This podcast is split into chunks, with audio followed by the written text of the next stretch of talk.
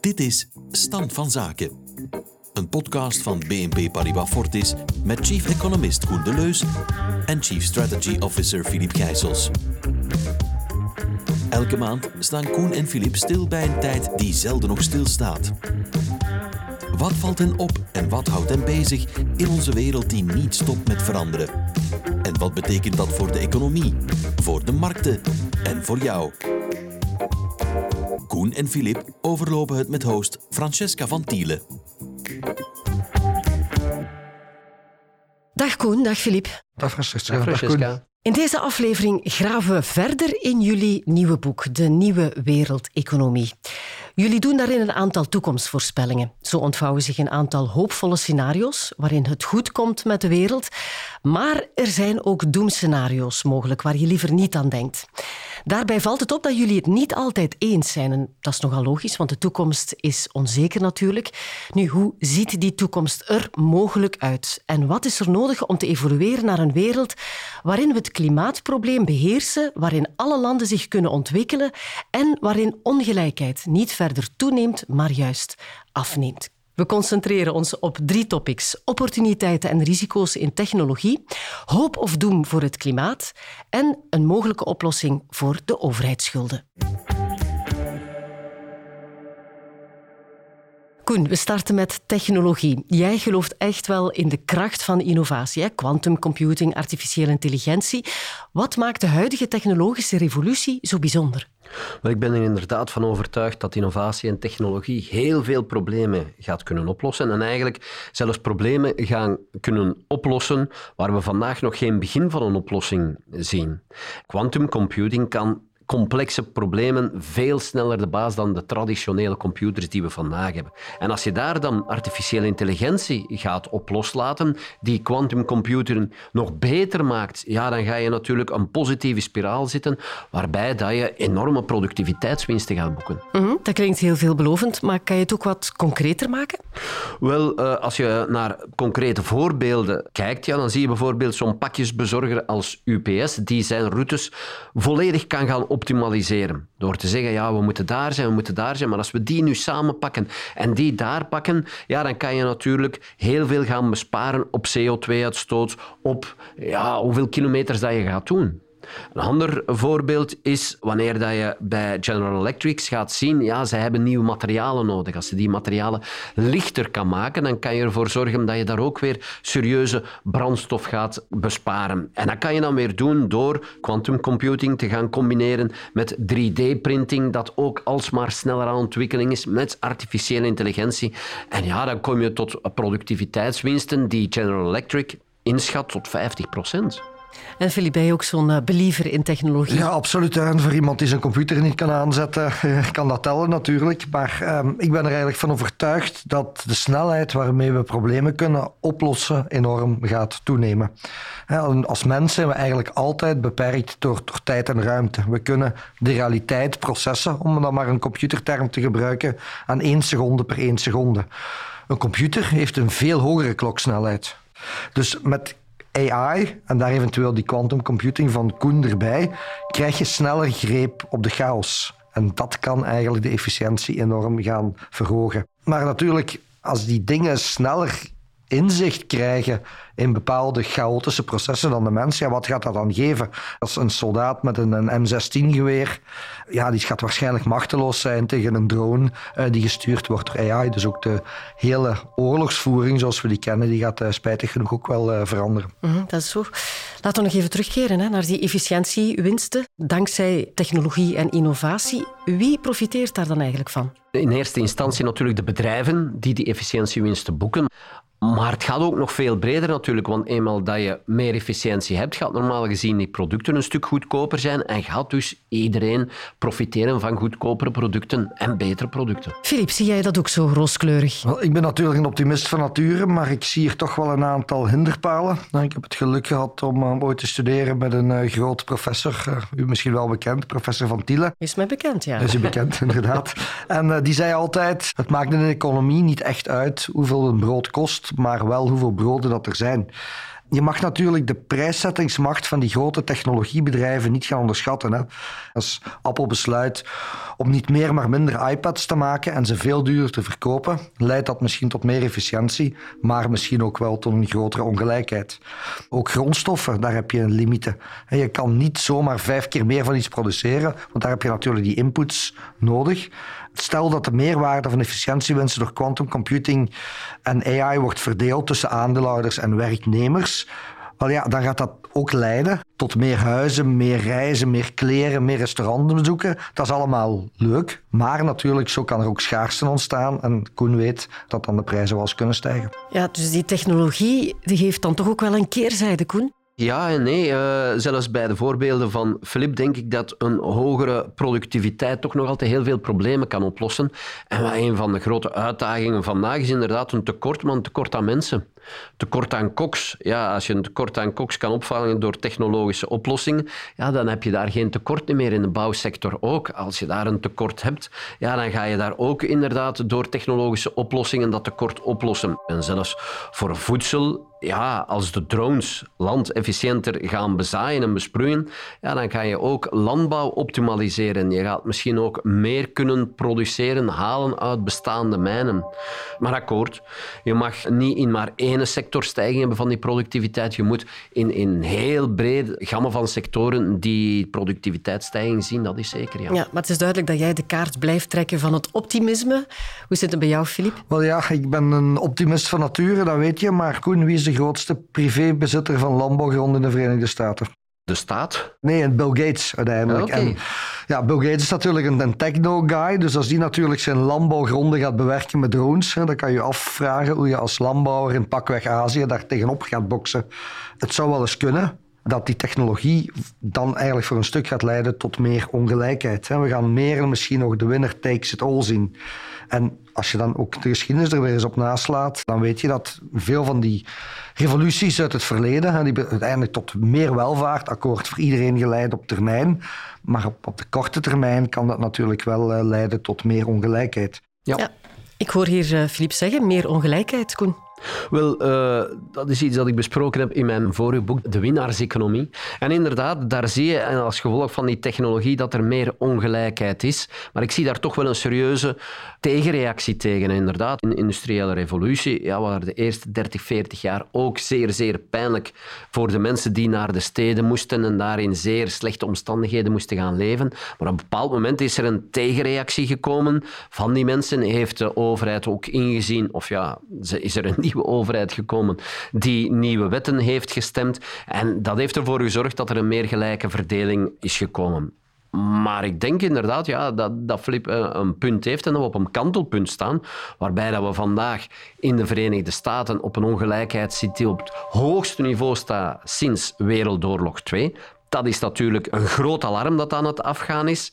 Maar ik zie daar toch al serieuze tegenreacties. Je ziet toch ook rechtszaken tegen het monopolie van Google. Je ziet in de Verenigde Staten de meest linkse president sinds de voorbije 40 jaar. Jammer genoeg ziet men vandaag nog naar de verkeerde zondebokken. En dat is dan globalisatie en migratie. Maar vroeg of laat gaat men toch inzien, ja oké, die heel grote ongelijkheid die moet aangepakt worden. Die monopolies moeten aangepakt worden. En dan zie ik het wel de goede richting ingaan.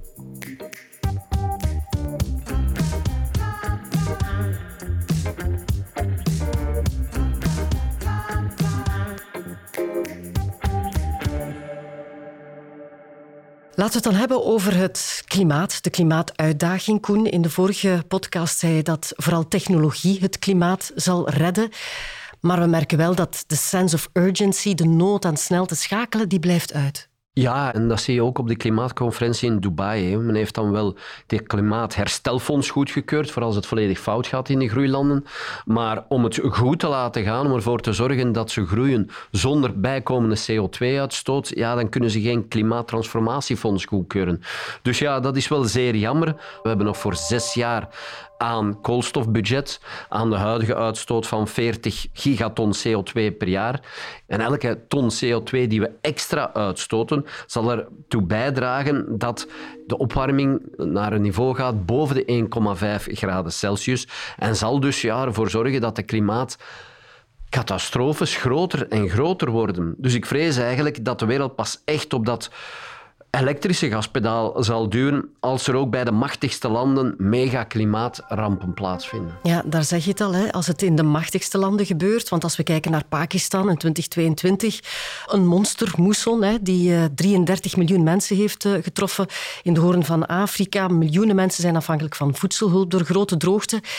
Maar toch gaat die decarbonisatie dan veel te traag. Ja, en dat is toch wel een beetje cynisch. Hè. Eh, als het niet in het Westen gebeurt, oké, dan krijgt het één dag aandacht op televisie en dan hebben we het weer gehad. Nu, als zoiets zou gebeuren op pakweg New York, het is niet dat ik het dat toewens, maar dan pas zal er iets gebeuren. En dan is het een beetje zoals een gevaarlijk kruispunt. Dat gevaarlijk kruispunt gaat pas aangepakt worden op het moment dat er een drama gebeurt, dat er iemand overlijdt. Ja, dat is wel cynisch, hè? Ja, ik weet het. Filip, hoe denk jij erover? We moeten misschien de woorden van Laten eh, binnencijpelen, want er zit toch wel weer wat grond van waarheid in nu. Ik wil niet iedere podcast opnieuw over de Fort Turning beginnen, maar toch, toch nog maar een keer. Uh, dat bekende boek van Neil Howe en William Strauss beschrijft eigenlijk heel goed bangelijk perfect bijna wat er nu speelt. Hè. Grote veranderingen die gebeuren, een tijd van crisis, oorlog, revolutie. Dat zijn al die dingen die we zien. En met Oekraïne en Gaza zijn spijtig genoeg die vreselijke conflicten dichterbij gekomen.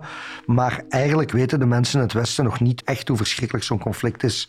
Laten we hopen dat het nooit gebeurt, maar pas als je eigen kinderen naar de oorlog ziet gaan, wel, dan zul je misschien begrijpen of tot de conclusie komen dat er een bepaald compromis nodig is. Ja.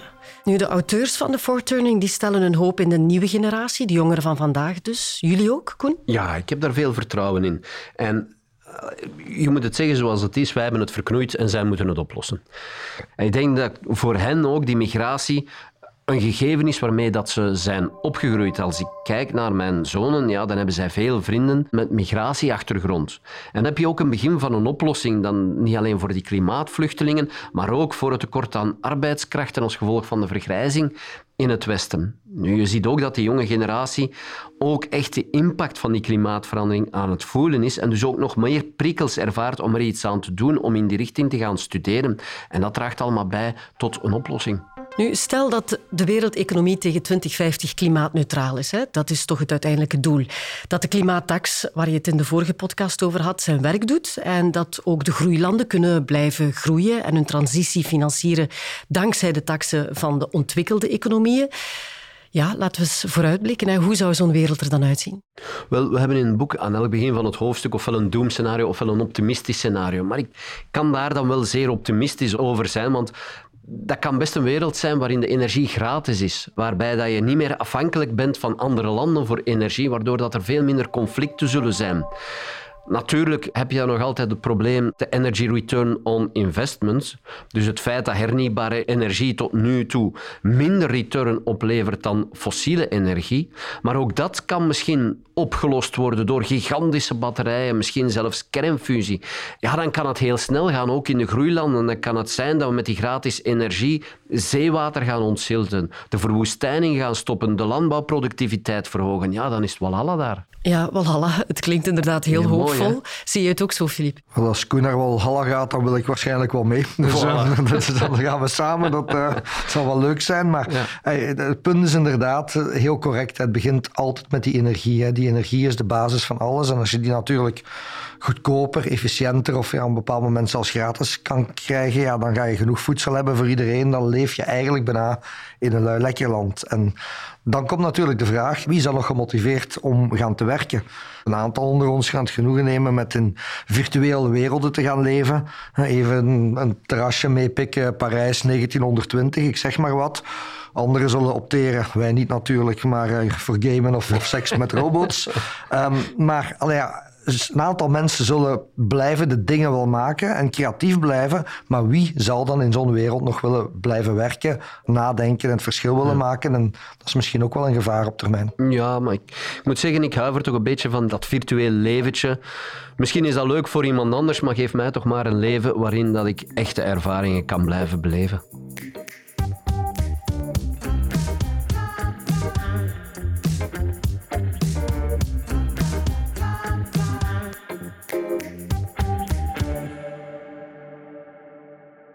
Voorlopig staan we nog ver van een klimaatneutrale wereld. Nu, om dat te bereiken hebben we grote investeringen nodig. Maar heel wat landen leven nu al ver boven hun stand.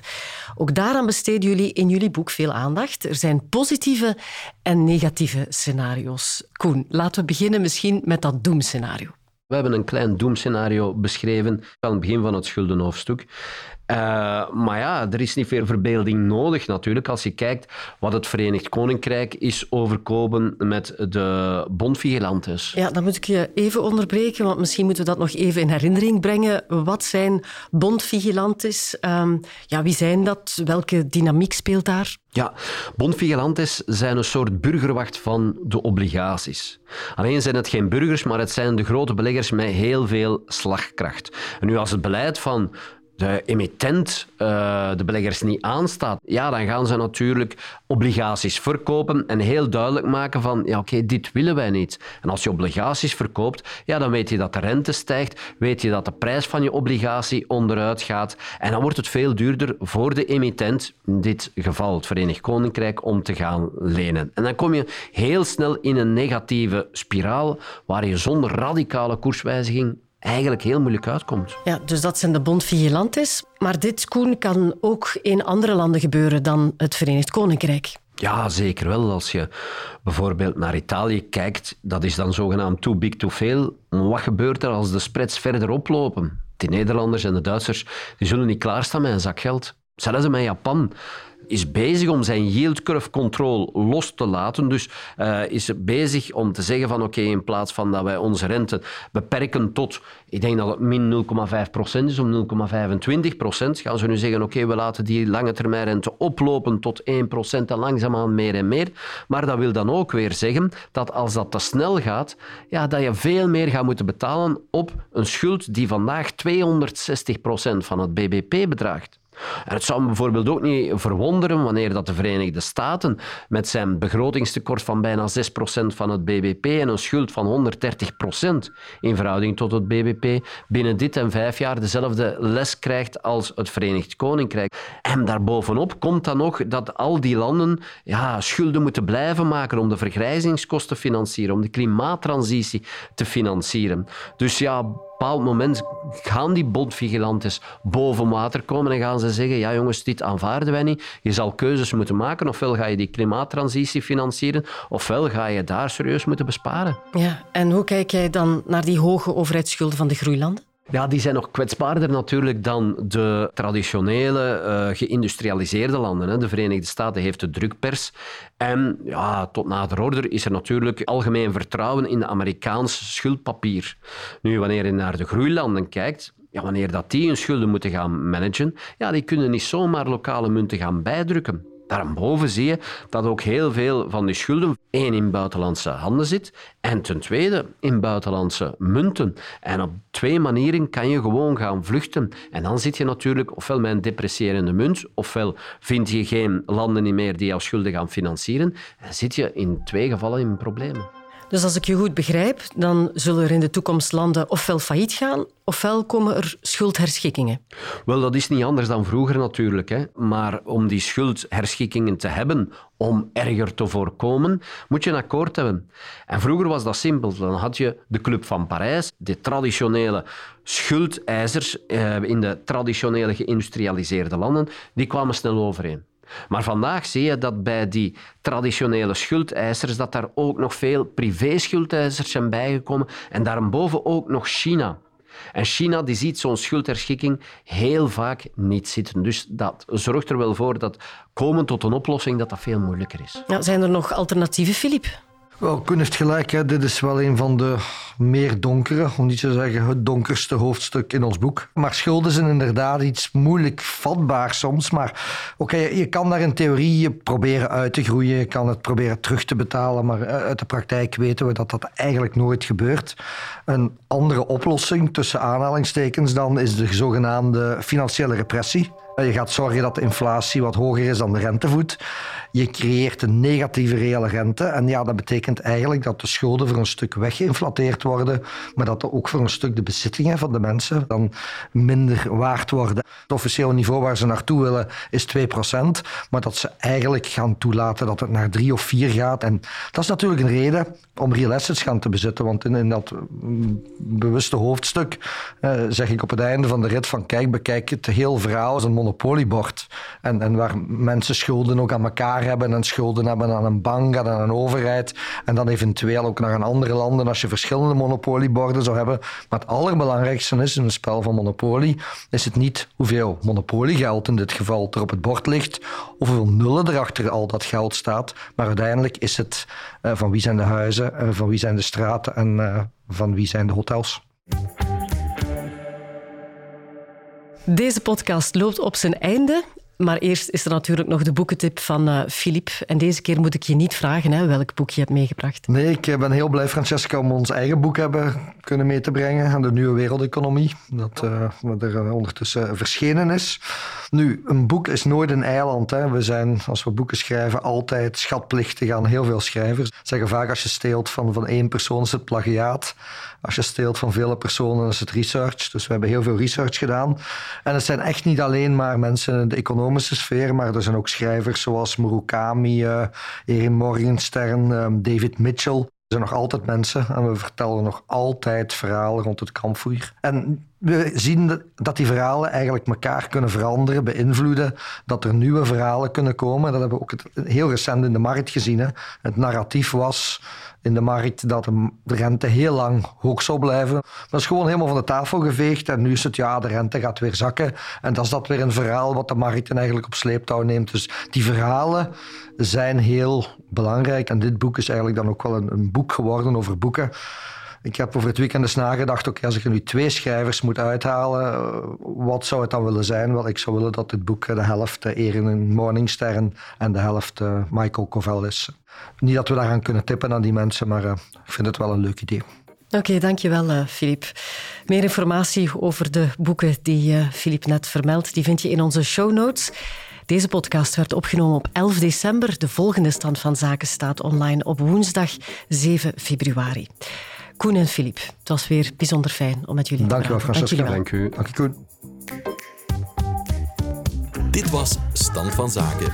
Vond je deze podcast interessant? Abonneer je dan via Apple Podcast, Spotify of een andere podcast-app naar keuze. Of deel deze podcast via sociale media. Zo help je ook anderen om hem te vinden. Heb je intussen vragen, opmerkingen of suggesties? Die kun je mailen naar socialmedia.bnpparibafortis.com.